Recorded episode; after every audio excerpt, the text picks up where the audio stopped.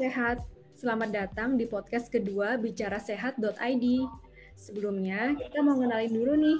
Nama saya Alana bersama dengan Ayu sebagai representatif dari Bicara Sehat.id yang akan meramaikan dan mengulik informasi mengenai isu-isu dan kasus kesehatan yang dikhususkan untuk semua teman di mana pun kalian berada.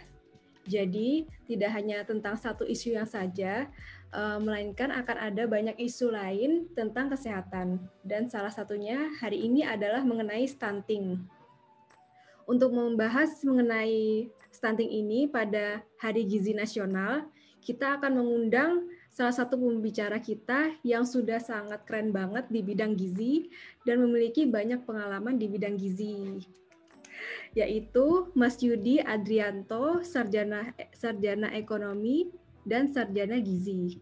Ya, beliau lahir di Bogor pada tanggal 21 Maret tahun 1990 dan memiliki pendidikan yaitu uh, sarjana ekonomi di STIE Kalpataru Bogor, lalu uh, sarjana gizi di IPB.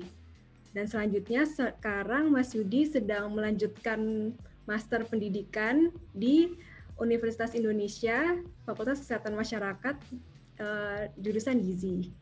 Dan beliau ini memiliki banyak pengalaman kerja, yaitu uh, ada di Kementerian Kesehatan, Rumah Sakit Cipto Mangunkusumo sebagai nutrisionis, lalu USAID HIV Project Research, kolaborasi dengan RSCM, lalu WHO Persagi NCP Guideline, dan PT International SOS Nutrition Consultant for Indonesian Coal and Gold Mine. Nah, uh, untuk seminar dan training, beliaunya ini pernah menjadi salah satu pembicara di Kongres Persagi pada tahun 2020. Begitu ya Mas Mas Yudi. Nah, kita persilakan Mas Yudi. Oke, okay. uh, eh, halo semua. Terima halo. kasih telah mengundang saya pada saat kesempatan hari ini.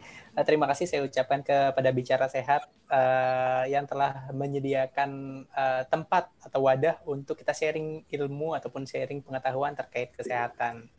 Dan topik pada hari ini adalah Hari Gizi Nasional ya terkait dengan stunting. Hmm. Oke, Mas. Kita kan hari ini ngebahas stunting ya, Mas. Boleh dijelaskan nggak? Hmm itu artinya stunting? Mm-hmm. Ya, uh, stunting itu menurut peraturan presiden uh, tentang percepatan stunting itu adalah gagal tumbuh pada anak berusia di bawah lima tahun atau kita sebut biasanya adalah balita. Nah, Kenapa sih bisa gagal tumbuh? Nah, stunting itu terjadi akibat kekurangan gizi kronis dan infeksi berulang pada anak. Nah, ditandainya oleh apa sih eh, kita melihat anak itu stunting atau tidak, yaitu dengan eh, panjang badan atau tinggi badannya yang berada di bawah standar dari ketetapan atau rekomendasi Kementerian Kesehatan. Seperti itu. Nah, ini kan saya baca uh, info dan hmm. info datin stunting yang diterbitkan oleh hmm. Kesehatan. Jadi menurut hmm WHO itu prevalensi balita stunting di Indonesia pada tahun 2005 sampai 2017 ini mencapai 36,4 persen, Mas. Sedangkan hmm. WHO untuk stunting di suatu negara adalah kurang dari 20 persen. Iya, 20. nah, itu bagaimana terjadi ya, Mas?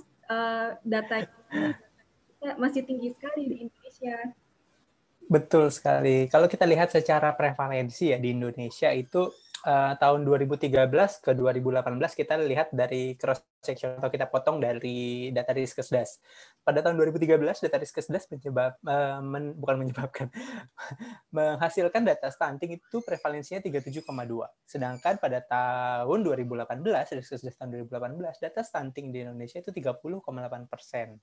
Nah, ini masih tinggi banget dibandingkan yang rekomendasi WHO yaitu sebesar 20% dari populasi meskipun eh, terjadi penurunan, trennya itu masih tinggi. Nah, dan banyak juga penelitian yang yang menyebutkan bahwa anak dengan stunting uh, nanti sedia di masa yang akan datang atau anak setelah gede uh, atau di usia-usia produktif itu akan menjadi uh, menurun kualitas sumber daya manusianya dan bahkan ada sebuah penelitian yang menyebutkan bahwa antara anak stunting dan tidak stunting itu berbeda dari segi pendapatan. Da, kurang lebih selisih terpaut 10%. Jadi anak yang stunting pendapatannya itu lebih rendah dibandingkan yang anak tidak stunting kalau dari kualitas sumber daya manusia. Nah, tantangannya gimana sih di Indonesia? Nah, banyak sekali tantangan terkait dengan percepatan penurunan stunting.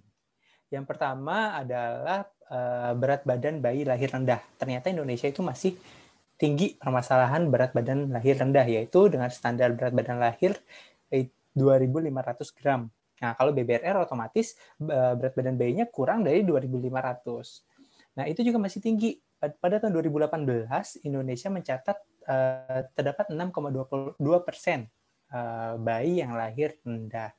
Kemudian panjang badan lahir kurang dari 48 cm. Nah, itu juga uh, menjadi permasalahan stunting. Itu mengalami kenaikan dari 20 persen uh, pada tahun 2013 dan Riskesdas menjadi 22,7 persen itu juga menjadi masalah.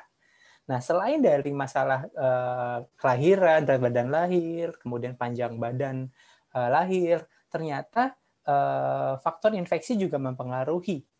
Nah, bagaimana sih cara anak menanggulangi infeksi selain dari uh, gizi ataupun dari perilaku hidup bersih? Yaitu dengan cara imunisasi dasar. Nah, ternyata nih di Indonesia masih banyak anak yang tidak mendapatkan imunisasi dasar lengkap. Nah, uh, pada tahun 2013 itu uh, proporsinya meningkat uh, dari 8,7 menjadi 9,2 persen pada tahun 2018 itu anak yang tidak mendapatkan imunisasi dasar lengkap. Nah, selain itu tadi kan kita membahas tentang uh, bayi berat badan lahirnya kurang, kemudian panjang badan lahirnya kurang. Ternyata kita harus melihat aspek dari orang tuanya dulu ibu hamilnya, bagaimana kondisi gizi ibu hamil, apakah ibu hamil gizinya baik atau kurang, terus uh, ibu hamil uh, mendapatkan suplementasi atau tidak. Nah ternyata uh, hasil riskesdas ibu hamil uh, dan balita yang belum mendapatkan program makanan tambahan itu masih cukup tinggi, yaitu sekitar 74,8 persen. Terus lagi ternyata di Indonesia itu tidak uh, masalah anemia, anemia di Indonesia itu masih tinggi, terutama nih pada ibu hamil. Dan mengalami kenaikan pada tahun 2013 uh, sebesar 37,1 persen, sedangkan di tahun 2018 menjadi 48,9 persen pada tahun 2018. Jadi dapat dibayangkan nih dari 10 ibu hamil ternyata 4 sampai 5 orang itu mengalami anemia. Dan itu akan berdampak terhadap pertumbuhan dan perkembangan bayinya. Seperti itu setelah tadi ada permasalahan itu, kalau ciri-ciri stunting pada anak itu bagaimana ya, Mas? Ya, ciri-ciri stunting yang paling gampang indikatornya adalah menggunakan panjang badan atau tinggi badan sesuai dengan usianya. Seperti itu. Karena uh, itu paling mudah dilakukan dan petugas gizi juga paling mudah melakukan uh, pemeriksaan antropometri uh, pada anak di bawah lima tahun. Yang uh, sensitifnya di uh, panjang atau tinggi badannya di bawah standar ketetapan Kementerian Kesehatan. Nah, itu uh, mengimplementasikan kurangnya asupan gizi secara kronis atau terjadi infeksi di dalam tubuh sehingga menyebabkan anak stunting. Untuk anak itu sendiri, uh, pernah aku baca ser seribu hari pertama semasa kelahiran hmm. itu adalah menjadi faktor terpenting hmm. untuk tumbuh kembang anak. Itu seperti apa sih Mas? Maksudnya kondisi yang seperti apa yang dibutuhkan untuk uh, men mencapai uh, tumbuh kembang anak yang optimal seperti itu Mas? Ya. Yang pertama kondisinya kita harus mempersiapkan sebelum ke, kita melihat di seribu hari pertama kehidupan, kita harus melihat uh, sebelum uh, ibunya itu atau sebelum perempuannya itu ya perempuan sebelum calon ibu hamilnya itu uh, mempersiapkan uh, program kehamilan atau sebelum uh, hamil. Kita harus perhatikan dan persiapkan dulu. Jangan kan kan di Indonesia ini ternyata prevalensi uh, pernikahan dini terutama yang di bawah rekomendasi usia untuk menikah itu masih tinggi terutama di daerah kemudian status gizi ibunya sebelum hamil dan pada saat hamil itu yang harus diperiksa. Jangan sampai status gizinya itu kurang. Kenapa? Kalau status gizinya kurang itu otomatis akan mengganggu pertumbuhan dan perkembangan pada janinnya. Kemudian itu yang kedua. Kemudian yang ketiga, asupan makannya. Ternyata yang tadi saya sebutkan 5 atau 4 sampai dengan 5 orang ibu hamil di Indonesia itu masih mengalami anemia. Nah, Sedangkan kan kalau uh, di dalam tubuh kita hemoglobin itu kan membawa oksigen dan zat gizi ya. Kalau misalnya anemia berarti terjadi gangguan dalam pengangkatan oksigen dan zat gizi untuk disirkulasikan ke dalam tubuh dan otomatis yang asupan yang ibu yang ibu makan akan berdampak juga terhadap uh, asupan janinnya seperti itu. Jadi itu akan uh, lama kelamaan akan mempengaruhi pertumbuhan dan perkembangan janinnya dan defisiensi terus menerus yang secara kronik. Nah itulah yang akan menyebabkan stunting atau BBLR pada bayi seperti itu. Oleh karena itu, program-program pemerintah seperti pemberian tablet tambah darah, pengecekan status gizi ibu, kemudian eh, edukasi dan konseling gizi terkait asupan gizi ibu hamil itu penting dilakukan untuk menjaga eh, kualitas perkembangan dan pertumbuhan bayi selama seribu hari pertama kehidupan sejak uh, pembuahan sampai dengan usia 2 tahun. Tadi Mas sempat mengatakan HB itu menjadi hemoglobin itu menjadi hal penting gitu ya. Boleh tahu nggak sih mas selain hemoglobin, apakah zat besi dan zat-zat yang lainnya itu apa aja yang mempengaruhi BBLR itu sendiri? Nah, banyak yang mempengaruhi selain dari hemoglobin, yaitu protein terutama. Karena di dalam tubuh kan hemoglobin itu sel darah merah ya, dari eritrosit. Nah, hemoglobin itu terbentuk dari hem dan globin. Nah, kalau kita bicara secara uh, struktur kimianya, nah hem itu adalah zat besinya di dalam hemoglobin. Globinnya itu adalah protein. Nah, jadi kalau kita makan atau kurang asupan proteinnya, nah itu juga bisa akan menyebabkan anemia selain dari kekurangan zat besi. Seperti itu. Nah, selain itu, uh, untuk penyerapannya di dalam tubuh, uh, zat besi terutama banyak di makanan hewani seperti ikan, daging, telur, unggas. Uh, terus uh, susu juga mengandung zat besi yang tinggi. Kemudian sayur-sayuran seperti bayam. Nah, terutama kalau yang paling tinggi, paling gampang dan mudah didapat itu hati, hati sapi dan hati ayam. Nah, terus gimana sih cara kita meningkatkan asupan atau penyerapan, meningkatkan penyerapan kalau kita udah minum, udah makan uh, hati ayam misalnya hati sapi kita mau meningkatkan penyerapan zat besinya. Itu dapat dibantu dengan mengkonsumsi makanan yang kaya akan sumber vitamin C. Sekarang nggak usah um, makan suplemen yang tinggi vitamin C yang 500 yang 1000 nggak usah. Karena kebutuhan vitamin C kita itu sekitar 80 sampai dengan 90 mg per hari. Nah 80 sampai dengan 90 mg per hari itu cukup didapatkan dengan tiga buah jeruk atau dua buah uh, jambu biji, kemudian atau tiga potong uh, pepaya. Itu sudah cukup ternyata gitu. Jadi untuk meningkatkan asupan uh, zat besi bisa dibarengi konsumsinya dengan makanan yang sumber vitamin C seperti itu untuk mencegah anemia. Baik banget ya Mas. Jadi seorang wanita untuk mempersiapkan kehamilan Betul kesehatannya. Dan jangan pemerintah juga ada program uh, pemberian tablet tambah darah. Iya kan? Dan uh, terutama nih pada wanita nih karena wanita uh, mengalami menstruasi kan, setiap menstruasi itu ternyata banyak loh zat besi yang dibuang. Oleh karena itu harus digantikan dari makanan atau suplementasi kalau tidak mencukupi seperti itu. Berarti uh, buat teman-teman semua di sana yang mendengarkan, uh, khususnya sebelum menikah, itu harus belajar dulu ya mas ternyata. Betul. Dicek kayak dulu banyak, terutama. Banyak hal yang harus dipersiapkan sampai sebelum kita memiliki anak tentunya ya bahkan kayak. Betul. Kayak, berarti kalau untuk kasusnya di Indonesia mas uh, banyak orang-orang yang tinggal di pelosok uh, dan susah terjangkau dari akses kesehatan. Hal tersebut yang menyebabkan uh, banyaknya kasus stunting di Indonesia, tentunya seperti itu. Nah, uh, sektor apa saja sih Mas kira-kira yang berperan penting di sini untuk mengatasi hal tersebut? Ya, kalau berbicara sektor ya, karena kan kondisi geografis Indonesia itu kepulauan ya. Dan akses dari mulai ketersediaan pangan, distribusi pangan itu sulit. Nah, dalam mengatasi stunting tentu semua aspek uh, mulai dari pemerintah pusat maupun daerah itu harus berkolaborasi, bekerja sama. Oleh karena itu pemerintah pusat sebenarnya sih sudah melakukan uh, upaya dalam rangka uh, percepatan penurunan stunting yang tertuang di keputusan Presiden nomor 27 tahun 2019 tentang percepatan penurunan stunting. Nah, dari uh, keputusan Presiden tersebut diturunkan ke dalam kebijakan-kebijakan uh, sesuai dengan kondisi pemerintah daerahnya dan itu harusnya masuk ke dalam RPJMD di daerah masing-masing. Nah, kadang-kadang nih ada pemimpin daerahnya yang hanya Eh, concern terhadap pendapatan daerahnya tapi tidak melihat dari sektor kesehatan masyarakat seperti itu. Oleh karena itu uh, di sini fungsinya dari peraturan presiden adalah untuk mengkolaborasikan atau menyatukan ide sehingga pemerintah daerah dan pemerintah pusat bisa bekerja sama satu tujuan dalam rangka percepatan stunting. Nah, terkait dengan percepatan penurunan stunting, itu ada beberapa upaya yang dapat dilakukan. Eh, mohon maaf kalau ada noise, anak saya lagi nangis.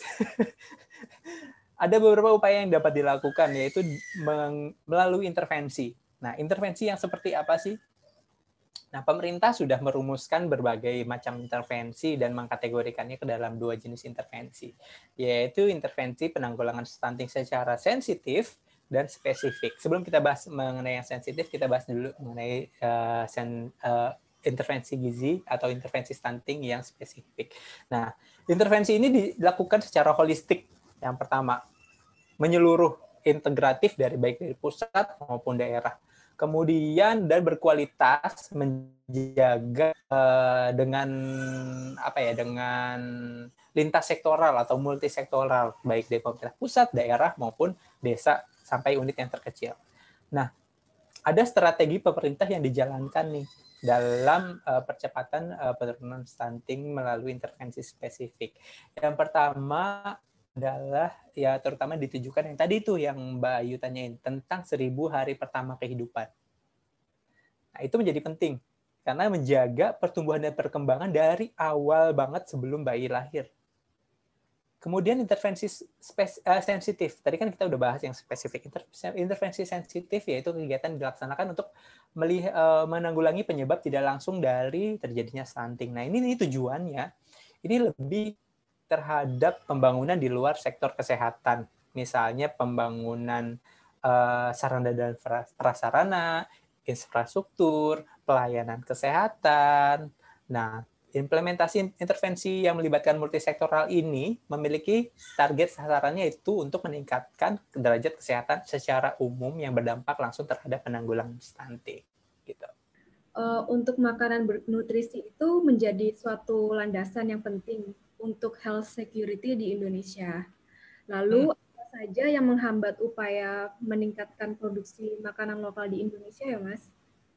Nah, kalau kita berbicara food security pasti akan ter uh, secara langsung akan berdampak terhadap health security di suatu daerah atau negara ataupun bahkan dunia secara global. Sebelum kita membahas tentang food security ataupun health security, kita mulai dari yang unit yang terkecilnya dulu yang ada di lingkungan kita yang kita setiap hari berinteraksi, kita setiap hari ketemu yaitu keluarga. Ya, keluarga masuk ke dalam unit skala mikro dari aspek health security maupun food security. Karena keluarga berperan penting dalam mengatasi stunting. Kita kan temanya lagi stunting nih, yaitu melalui kemandirian pangan dan kesehatan keluarganya. Nah, bagaimana sih eh, kemandirian pangan dan kesehatan keluarga? Kemandirian pangan dan kesehatan keluarga merupakan kunci dalam upaya penurunan stunting. Bagaimana caranya? Melalui kegiatan promotif, preventif, intervensi, komunikasi perubahan perilaku. Karena kalau dalam unit terkecilnya aja keluarganya tidak berubah perilakunya, misalnya yang tadinya cuci tangan deh yang gampang, jadi nggak cuci ta uh, yang tadinya nggak cuci tangan menjadi cuci tangan, itu menjadi nilai positif kan untuk menge apa untuk mengurangi resiko infeksi. Kemudian kemandirian keluarga ini dilaksanakan juga untuk meningkatkan kemampuan keluarga. Jadi keluarganya ini punya capability untuk mengenali, menilai, dan melakukan tindakan secara mandiri. Otomatis harus didampingi tenaga kesehatan. Makanya nih, puskesmas-puskesmas di daerah harus bisa merangkul unit-unit kecamatan keluarganya. Gitu. Atau menggunakan community provider yang diberikan oleh uh, bantuan-bantuan uh, dari pihak lain seperti NGO. Kan banyak ya di Indonesia wilayah timur ya. Nah, itu harus secara kontinu dan terintegrasi dalam mengatasi permasalahan uh, gizi masyarakat, terutama stunting. Nah, dalam upayanya untuk meningkatkan kemandirian keluarga juga kita nih, uh, ataupun kita kita bisa terapin di keluarga kita sendiri. Keluarga kita tahu nggak sih pentingnya kesehatan dan gizi terutama jauh mana nih anggota keluarga mengalami masalah kesehatan dan misalnya selalu infeksi atau selalu diare seperti atau kecacingan. Nah, ini penting juga nih. Udah minum obat cacing belum? gitu kan? Kemudian cuci tangan nggak perilaku hidup bersih dan sehat nggak? Kemudian bagaimana keluarga memanfaatkan akses pelayanan kesehatan yang tersedia di unit pelayanan kesehatan dasar seperti puskesmas. Bahkan ada sekarang kan puskesmas pembantu ya yang lebih dekat dengan masyarakat. Namun karena terjadinya COVID ini ini uh, menjadi permasalahan juga nih karena terbatasnya akses, kemudian kondisi uh, yang serba terbatas baik itu dari pelayanan maupun keaktifan keluarga dalam mendapatkan akses. Nah, selain dari COVID itu uh, constraint-nya apa aja ya? Kalau uh, menurut saya sih tantangannya terutama di pembangunan struktur dan infrastruktur. Baik itu pembangunan dari uh, infrastrukturnya berupa puskesmas maupun puskesmas pembantu, kemudian strukturnya berupa tenaga kesehatan terutamanya adalah tenaga gizi maupun bidan, terutama di daerah. Itu sangat kurang sekali dan bahkan teman-teman saya pengalaman sendiri ya teman-teman saya aja yang sudah lulusan gizi itu kalau ditempatin di daerah suka gimana gitu atau setelah menjadi uh, setelah diangkat atau itu di daerah atau, setelah menjadi PNS setelah lima tahun malah uh, mutasi ke kota seperti itu. Uh, jadi itu menjadi kendala juga. Sedangkan daerah tersebut membutuhkan tenaga gizi untuk mengatasi permasalahan gizi terutama stunting di daerah gitu. Oleh karena itu perlunya koordinasi lintas sektoral dan komitmen masyarakat maupun daerah dalam uh, pengatasan stunting gitu. Wah, menarik banget ya Mas, terutama yang peran puskesmas dalam menanggulangi dari stunting ini. Memang puskesmas itu dengan tenaga kesehatan dari ahli gizinya, mereka juga bekerja sama dengan lintas sektoral dan lintas program Mas untuk mengatasi masalah stunting ini dan biasanya petugas gizi itu bekerja sama dengan kader kesehatan untuk uh, merangkul masyarakat sekitar. Iya, betul. Agar mereka itu uh, mengikuti program kesehatan yang sudah ditetapkan oleh Kementerian Kesehatan itu dan dinas kesehatan terkait daerah tersebut. Lalu betul. Sebenarnya selain puskesmas itu ada lagi loh pemerintah sudah melakukan berbagai macam program Contohnya program bantuan yang paling banyak didapatkan itu PKH, program keluarga harapan oleh Kementerian Sosial. Nah, namun ternyata ada sebuah penelitian yang menyebutkan kalau uh, program bantuan itu banyak yang di misuse oleh penggunanya. Jadi, seperti contoh di daerah pesisir utara uh, Pulau Jawa, mereka mendapatkan bantuan dari uh, pemerintah berupa uang. Nah, uang tersebut ternyata tidak dibelikan untuk makanan, dan tidak digunakan untuk membeli makanan tapi malah digunakan untuk membeli rokok. Seperti itu. Jadi kan eh, kesannya apa yang sudah dilakukan upaya pemerintah itu tidak sampai ke masyarakat karena eh, pengetahuan masyarakatnya kurang dan perilaku masyarakatnya yang salah. Seperti itu. Dan juga ada lagi eh, bantuan-bantuan yang dikirim misalnya contohnya di Papua. Waktu kemarin terjadi permasalahan gizi di Papua yang heboh masuk ke berita yang semua orang turun akhirnya ke Papua kan melihat itu. Nah sebelumnya itu juga pernah ada suatu program bantuan uh, pangan di daerah Papua. Dia memberikan mie instan kepada uh, masyarakat di sana di, di pelosok Papua. Nah masyarakatnya nggak ngerti cara masak mie-nya gimana. bikin mie-nya gimana dan mereka baru ngelihat itu bahkan ada beberapa orang yang bahkan plastiknya mau dimasak sama dia seperti itu. Jadi kan nggak nyambung dengan uh, kondisi masyarakat. Ini harusnya kalau memberikan bantuan di da di daerah atau memberikan bantuan pemberian makanan tambahan di daerah itu harus melihat faktor-faktor uh, kondisi uh, demografi dan kondisi pangan lokal. Terutama adat dan budaya pangan uh, lokal. Kan kalau di Papua biasanya kan makannya ubi ubi kayu seperti itu. Ini dikasih mie, mie instan seperti akan terjadi uh, perubahan dan mereka uh, bukannya malah membaik, justru malah akan memburuk. sulit itu. untuk ya, sulit untuk diterima ya sepertinya dengan tradisi yang ada ya Mas ya. Betul. Harus sesuai dengan kearifan lokal masing-masing daerah. Itu uniknya di Indonesia. Untuk selanjutnya kira-kira apa saja sih Mas kira-kira yang sudah Mas Yudi ketahui progres Indonesia dalam mengatasi uh, masalah nutrisi yang ada saat sekarang ini? Itu khususnya ketika berada di situasi pandemik seperti sekarang. Ya.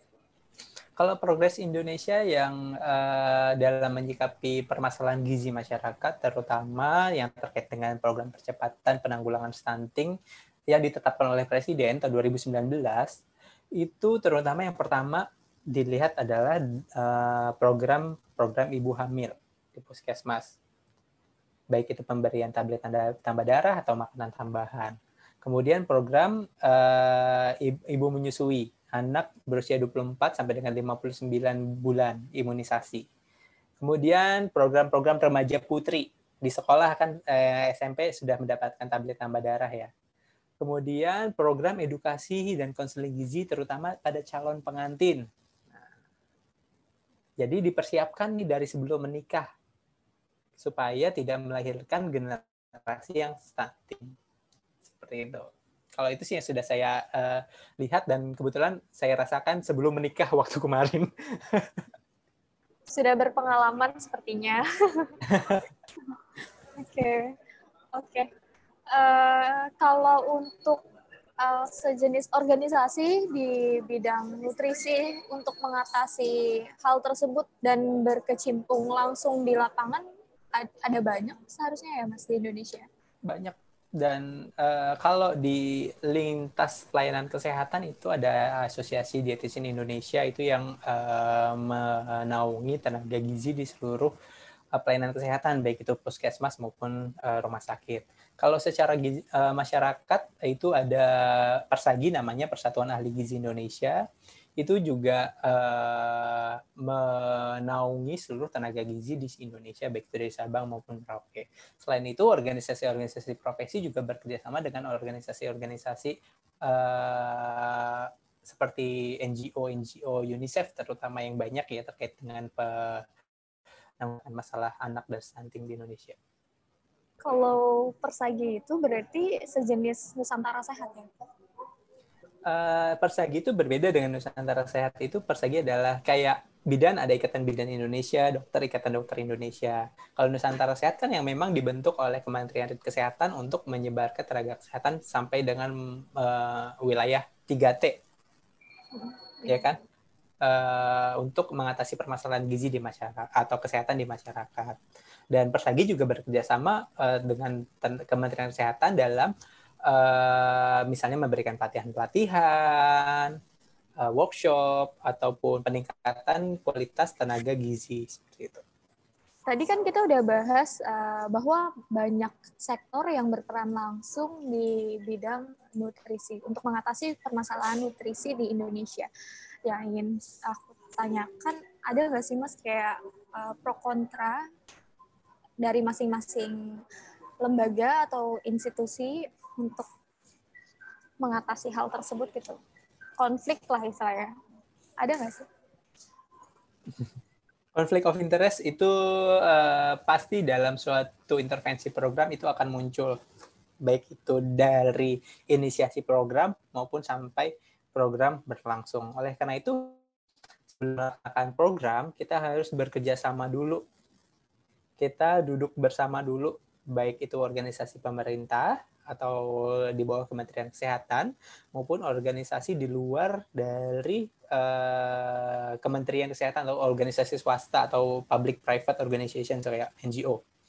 Kemudian uh, organisasi profesi seperti Persagi maupun ASDI. Kita harus duduk bareng dulu menentukan intervensi dan menetapkan tujuan.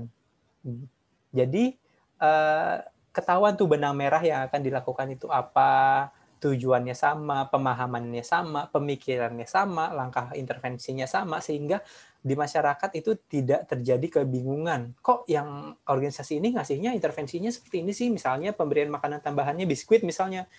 kok persagi uh, sebagai contoh ya kok persagi ngasihnya ini sih uh, telur misalnya terus kok uh, Kementerian Kesehatan ngasihnya bubur kacang hijau sih seperti itu nah oleh karena itu harus disamakan dulu persepsinya supaya tidak terjadi konflik of interest Oke Mas, yang selanjutnya uh, apa saja sih food availability policies dan program yang telah diimplementasikan oleh pemerintah Indonesia?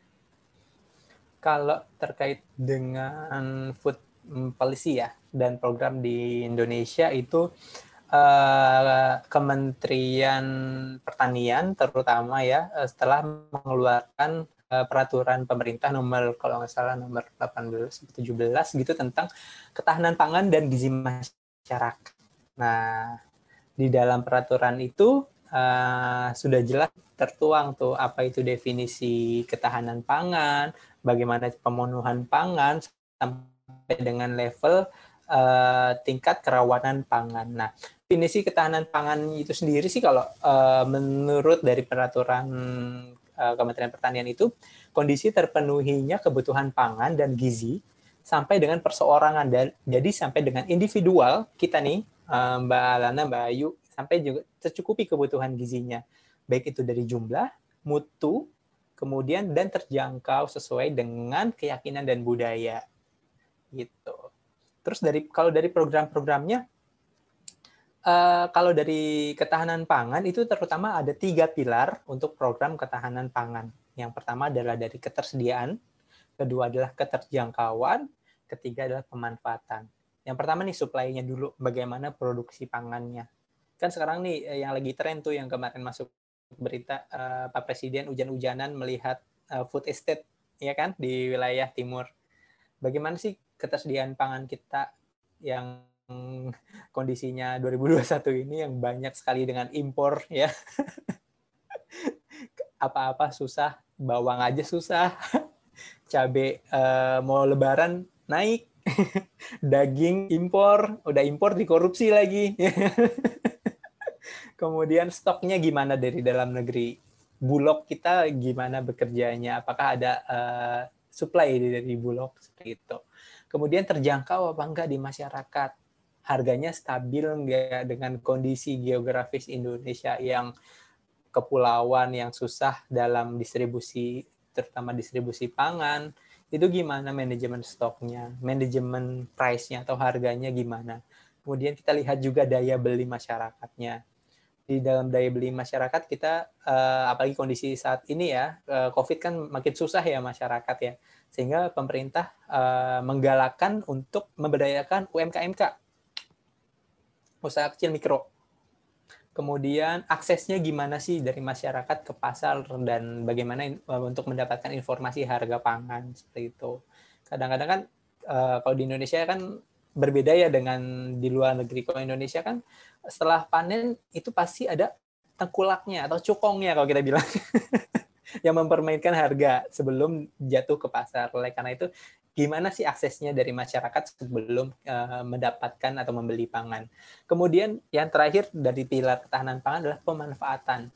Bagaimana perbaikan pola konsumsi kita nih yang rata-rata uh, konsumsinya masih kurang atau masih tidak sesuai dengan kondisi gizi seimbang, kemudian keanekaragaman konsumsi, uh, seperti makannya bisa didiversifikasi dari yang biasanya makan nasi, misalnya diubah menjadi enggak nasi kombinasi menggunakan singkong, umbi-umbian, atau sumber karbohidrat yang lainnya, mie, ataupun bihun, seperti itu. Kemudian perbaikan gizinya bagaimana, dan adalah keamanan dan mutu pangan. Nah, ini diawasi oleh BPOM tiga pilar yang tadi itu yang ketiga itu ada yang namanya pemanfaatan ya mas ya pemanfaatan di sini di mana uh, masyarakat tersebut mengkonsumsi dari hasil yang uh, sudah didapatkan oleh petani misalnya seperti itu nah penemuanku di lapangan itu banyak banget teman-teman di luar sana yang memiliki mindset atau stigma kalau makanan yang empat sehat lima sempurna itu harus mahal gitu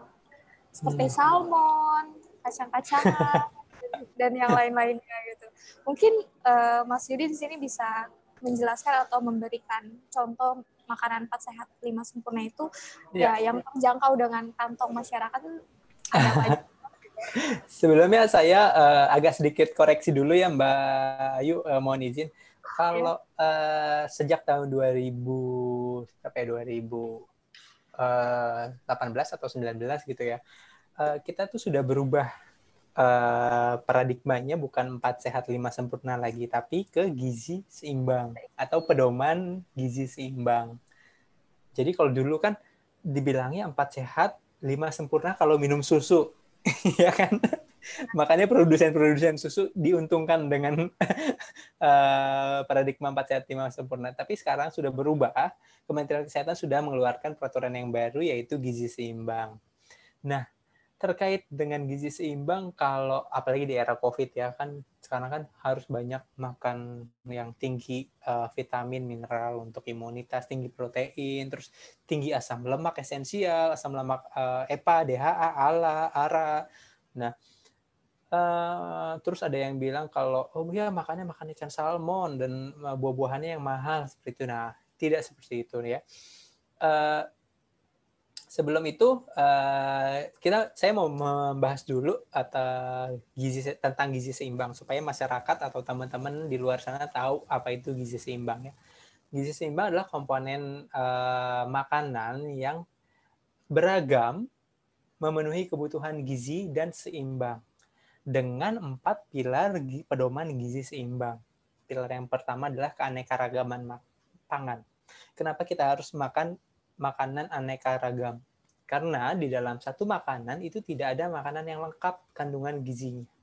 Seperti nasi, mie, roti, bihun itu adalah sumber karbohidrat. Sedangkan di dalam tubuh kita kan kita selain karbohidrat membutuhkan protein, lemak, uh, seperti itu dan didapatkan oleh makanan yang beragam misalnya dikombinasikan dengan daging ikan telur dan kalau makan itu uh, nggak monoton misalnya telur telur aja lagi tanggal tua seperti telur telur aja seperti itu ya tapi bisa dikombinasikan juga dengan ikan dengan ayam seperti itu Kemudian yang kedua, pilar yang kedua adalah aktivitas fisik.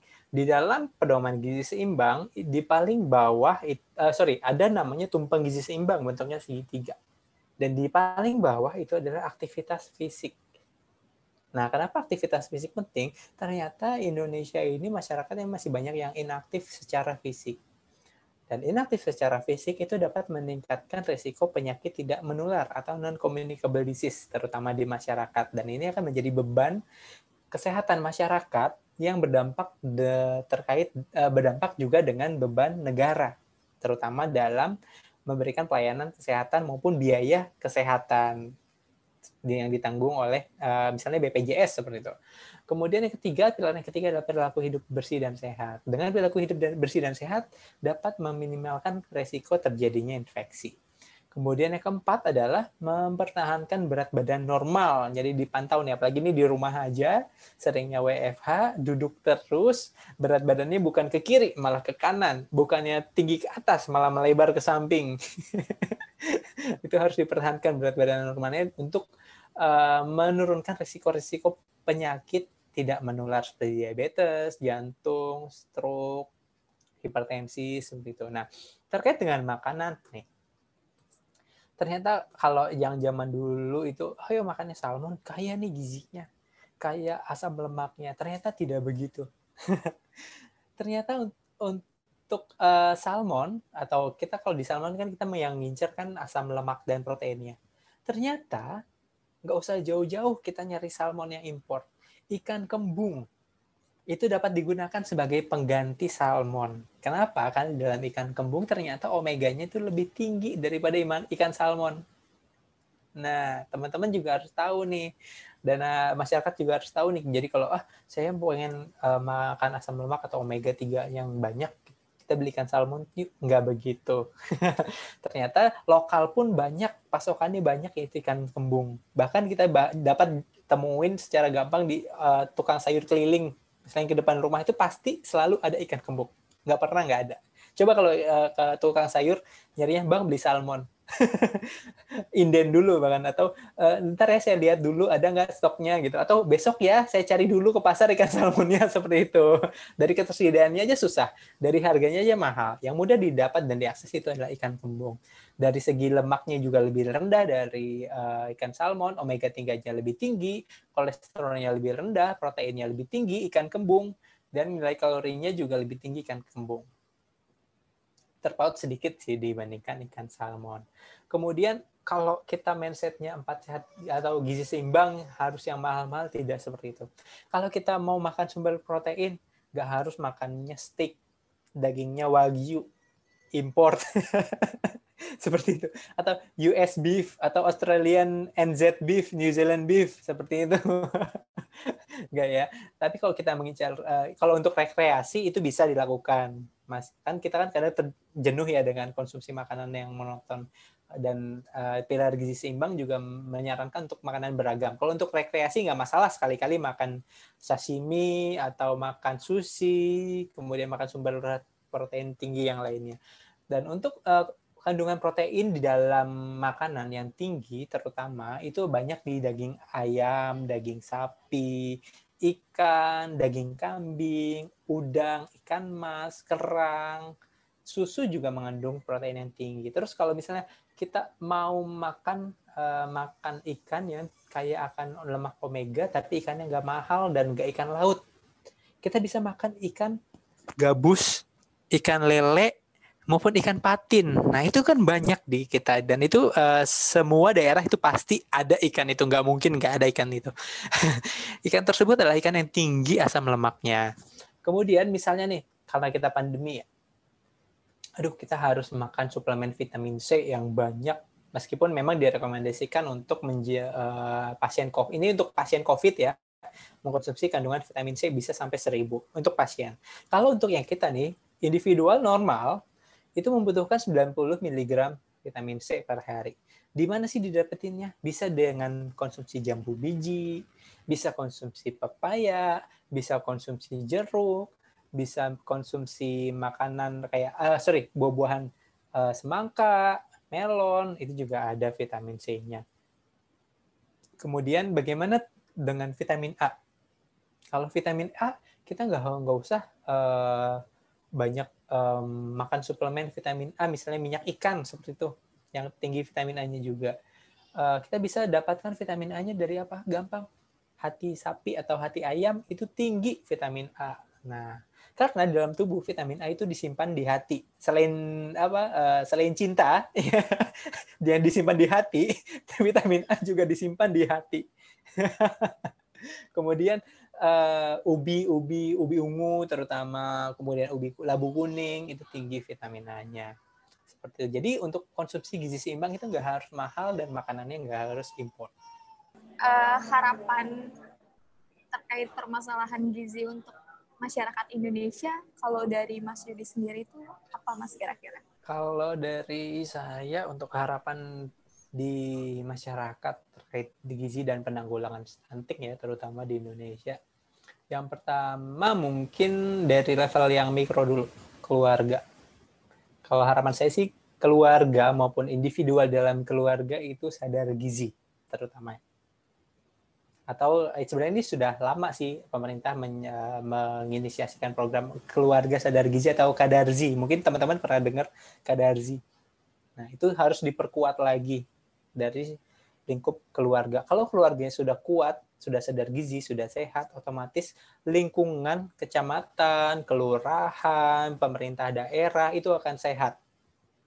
Kalau dari situ sehat akan mencerminkan negara yang sadar gizi. Kemudian yang kedua optimalisasi tenaga gizi di tiap daerah, terutama penyebarannya merata dengan program Nusantara Sehat misalnya atau dengan eh, program bantuan-bantuan yang lainnya. Kemudian harapan saya uh, yang ketiga adalah pendidikan gizi agar masuk dalam muatan lokal di sekolah. Jadi anak-anak tahu makanan yang bergizi itu apa, sumber-sumber karbohidrat, lemak atau sumber zat gizi itu apa. Kemudian yang keempat adalah peningkatan aktivitas fisik untuk menekan uh, penyakit tidak menular yang akan kemudian hari muncul akibat inaktif secara fisik. Dan yang terakhir mungkin uh, peningkatan perilaku hidup bersih dan sehat. Sama ini Mas, mungkin ada gitu pengalaman pengalaman terkait uh, terjun langsung ke lapangan ketika uh, mengatasi permasalahan gizi di Indonesia bisa minta tolong untuk sharing Mas pengalaman terjun mengatasi gizi terutama di uh, daerah bencana ya. Waktu itu uh, bencana yang di Sulawesi, yang di Palu, yang gempa bumi, uh, nah dan uh, tsunami kalau nggak salah di, di sana.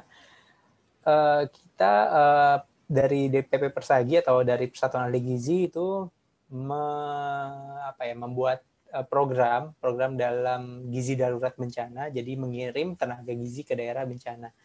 Nah, di situ terlihat sekali kontrasnya apa saja yang bisa dilakukan oleh tenaga gizi, apa saja yang bisa didapatkan oleh masyarakat, apa saja yang bisa dilakukan oleh pemerintah dalam lingkup koordinasi lintas sektoral.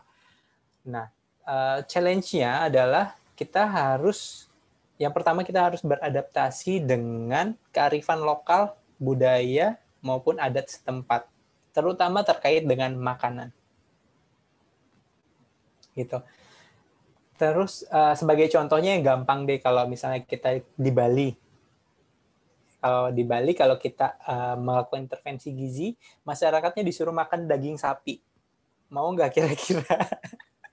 gitu ya kan karena di Bali kan sapi kan dianggap dewa atau tuhannya kan seperti itu kan jadi uh, kita harus melihat secara kearifan dan budaya lokal setempat. Kemudian yang kedua kita harus koordinasi dengan lintas sektoral apa saja program yang harus diberikan. Jangan sampai kita punya program sendiri, kita jalan sendiri, uh, NGO jalan sendiri, pemerintah jalan sendiri, yang ada nanti malah bikin gang atau bercabang jalannya. Kita nggak di dalam satu jalan atau satu jalur Eh, menuju tujuan yang sama.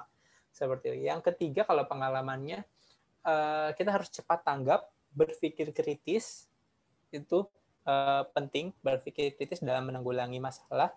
Selain itu menentukan solusi alternatif.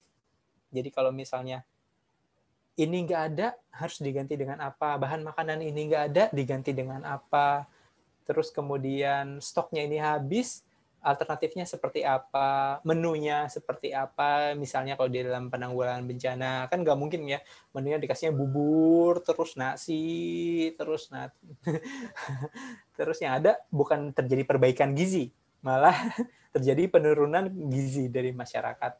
Kemudian yang terakhir mungkin edukasi dan konseling karena kan kita nggak mau ya setelah uh, suatu kondisi darurat atau setelah intervensi selesai uh, stop sampai di situ aja jadi pada saat itu memang terjadi perbaikan gizi, tapi setelah kita tinggal eh, kualitas gizinya bisa dipertahankan atau enggak. Nah, oleh karena itu harus dilakukan monitoring dari intervensi itu dan kita harus melakukan edukasi dan konseling supaya masyarakat tahu bagaimana pola konsumsi yang seharusnya kebutuhan gizi saya berapa, apa saja yang harus saya makan, apa saja yang harus saya batasi, seperti itu. Jadi lepas dari program di masyarakat jangan sampai masyarakat kehilangan arah apa yang harus dilakukan sehingga terjadi bukannya terjadi perbaikan setelah kita lepas malah terjadi penurunan dari kualitas gizi masyarakat. Hal yang tersulit menurut hal yang tersulit menurut menurut Mas Yudi untuk mengatasi permasalahan gizi di Indonesia atau stunting di Indonesia uh, apa gitu Mas? Kenapa bisa sampai saat ini permasalahan stunting di Indonesia itu masih cukup tinggi? Yang pertama kalau menurut saya perilaku mengubah perilaku masyarakat itu sangat sangat sangat sangat sangat sulit. Meskipun pengetahuannya sudah kita intervensi melalui edukasi, tapi belum tentu pengetahuan yang meningkat dapat merubah perilaku individu maupun masyarakat. Ada sebuah penelitian menyebutkan perilaku uh, perilaku ataupun sikap masyarakat terkait dengan peningkatan pengetahuan itu dapat berubah paling cepat itu selama enam bulan. Itu pun dengan series series edukasi yang optimal. Nah, oleh karena itu tantangannya pertama adalah perilaku. Yang kedua kondisi geografis. Itu sangat menjadi masalah di apalagi di Indonesia dengan uh, kontur uh, kepulauan, kemudian pegunungan, kemudian yang daerah rawan bencana. Itu rawan sekali uh, terjadi permasalahan gizi maupun terjadi permasalahan kesehatan. Yang yang ketiga itu adat budaya yang menjadi constraint di dalam masyarakat. Kadang kalau kita datang nih di ke Nusa Tenggara misalnya kita datang bawa program. Nah, kita harus mengenal adat budaya setempat dulu. Kapan mereka selesai uh, ke kebun misalnya. Jangan sampai mereka mau ke kebun, mau menggarap lahan ataupun mau panen, kita halangin. Pak, duduk dulu Pak, dengerin dulu program kita kayak gini, kayak gini, kayak gini. Nggak bisa seperti itu. kita harus menyesuaikan adat budaya setempat kadang ada uh, ada suatu ada dosen yang pernah cerita jadi kalau uh, di Nusa Tenggara itu unik masyarakatnya kenapa unik karena uh, pada saat uh, kita datang mereka tends to avoid jadi uh, jadi karena semungkin sudah jenuh juga karena kebanyakan program ya baik internasional maupun internasional di sana dia cenderung uh, menghindar seperti itu Nah, kita tuh harus tahu waktu yang tepat di mana kita bisa memberikan intervensi maupun melakukan program. Yang pertama jangan sampai pas dia panen atau pas dia ke ladang atau ke kebunnya. Kemudian yang uh, kedua, kita juga harus lihat situasi. Yang pertama paling gampang dilihat deh dapurnya. Kalau terkait gizi ya. Dilihat di dapurnya. Kondisi dapurnya seperti apa? Ada nggak alat memasak? ada nggak makanan ataupun uh, simpanan makanan di dapurnya seperti itu jagung kalau di Nusa Tenggara ya jagung ubi-ubian singkong kemudian kalau beras itu uh, relatif ya kalau di jauh ada yang ada beras ada yang tidak kemudian kita nilai di situ kalau misalnya di situ ada bahan makanan berarti oh keluarga tersebut masak nih. Kalau masak berarti kebutuhan pangan dan gizinya terpenuhi dong. Nah gitu. Terus uh, dilihat lagi uh, setelah lihat dapur kita lihat lagi ke belakang. Ada nggak sih sarana dan prasarana untuk MCK MCK-nya di mana? Masih di sungai kah di danau kah atau MCK-nya di kebun? Nah, seperti itu. Kita lihat dulu. Kalau ada MCK terus kita lihat lagi di dalamnya ada sabun atau enggak panjang ya urutannya ya kita lihat lagi di dalamnya ada sabun enggak Nah, jangan-jangan ada MCK nggak ada sabun. Seperti itu. Itu akan tercermin uh, poin dari perilaku hidup bersih dan sehatnya. Nah, kalau dari yang ketersediaan pangan sudah mencukupi, dari perilaku hidup bersih dan sehatnya sudah terlihat dari unit terkecil di dalam suatu rumah, kita sampel dari lima, lima rumah di dalam satu RT. Paling satu RT ada 20 sampai dengan 50 rumah kan. Kita sampel deh 10 persennya lima rumah. Kita lihat, kita kunjungin seperti itu. Dan jam berkunjungnya juga harus disesuaikan. Jangan sampai orangnya kosong kita baru datang, nanti kita diterakin maling lagi. seperti itu. Ah, oke, okay. mungkin itu saja yang bisa uh, saya sampaikan terkait dengan program-program yang ada di masyarakat. Iya sih, benar banget apa yang tadi disampaikan. Saya aku juga merasakan sendiri gitu ketika pernah satu bulan itu berada di daerah Banten, Mas. Oh, Banten. Hal yang sama, Barat, ya. ya. Dan iya, masih Jawa Barat. Tahu nggak di ternyata di Jawa Barat itu stuntingnya masih tinggi loh. Iya. Riskesdas uh, menunjukkan stunting hampir 30 per, atau 30 persen di Jawa Barat kalau tidak salah. Tinggi banget. Ya gimana tinggi gimana? Banget. Mungkin uh, sebelum kita survei langsung ke sana, itu tuh kita melakukan asesmen ya. Mm-hmm. Iya sih, uh, banyak hal yang menjadi faktor sebenarnya. Yang pertama, kalau menurut assessment yang kita dapatkan itu adalah kebiasaan sih mas. Iya betul. Dari kebiasaan itu sulit banget untuk dirubah dan juga uh, apa ya kayak pengetahuan juga masih sulit untuk mendapatkan informasi. Iya betul. Kalau sebab itu sulit untuk ya mengetahui mana yang benar dan yang baik dan yang sejenis. Dan kita juga harus lihat uh, latar belakang pendidikan dari uh, subjek atau uh, masyarakat yang ingin kita intervensi melalui edukasi. Jangan sampai nih pendidikan terakhirnya misalnya SD, kita kasih bahasanya yang bahasa medis yang terlalu berat. Kan nggak nyambung jadinya. Itu apa? Intervensi itu apa? Kan intervensi pun dia nggak tahu. ya, ya. Sulit sih. Harus bahasanya yang sehari-hari gitu Betul. kan. Bahasa sehari-hari mudah uh, di apa ya di, di dicerna oleh masyarakat. Uh, baik, berakhir pula sesi sesi kita dalam bincang sehat bersama Mas Yudi dengan topik uh, gizi dan stunting. Terima kasih banyak atas materi-materinya dan pembahasannya sangat insightful ya Mas ya. Alhamdulillah. Iya. uh, Terima kasih juga saya ucapkan kepada tim uh, Bicara Sehat yang telah uh, mengundang saya untuk menjadi salah satu narasumber pada kesempatan kali ini. Kita masih yang makasih ya. Oke. Okay.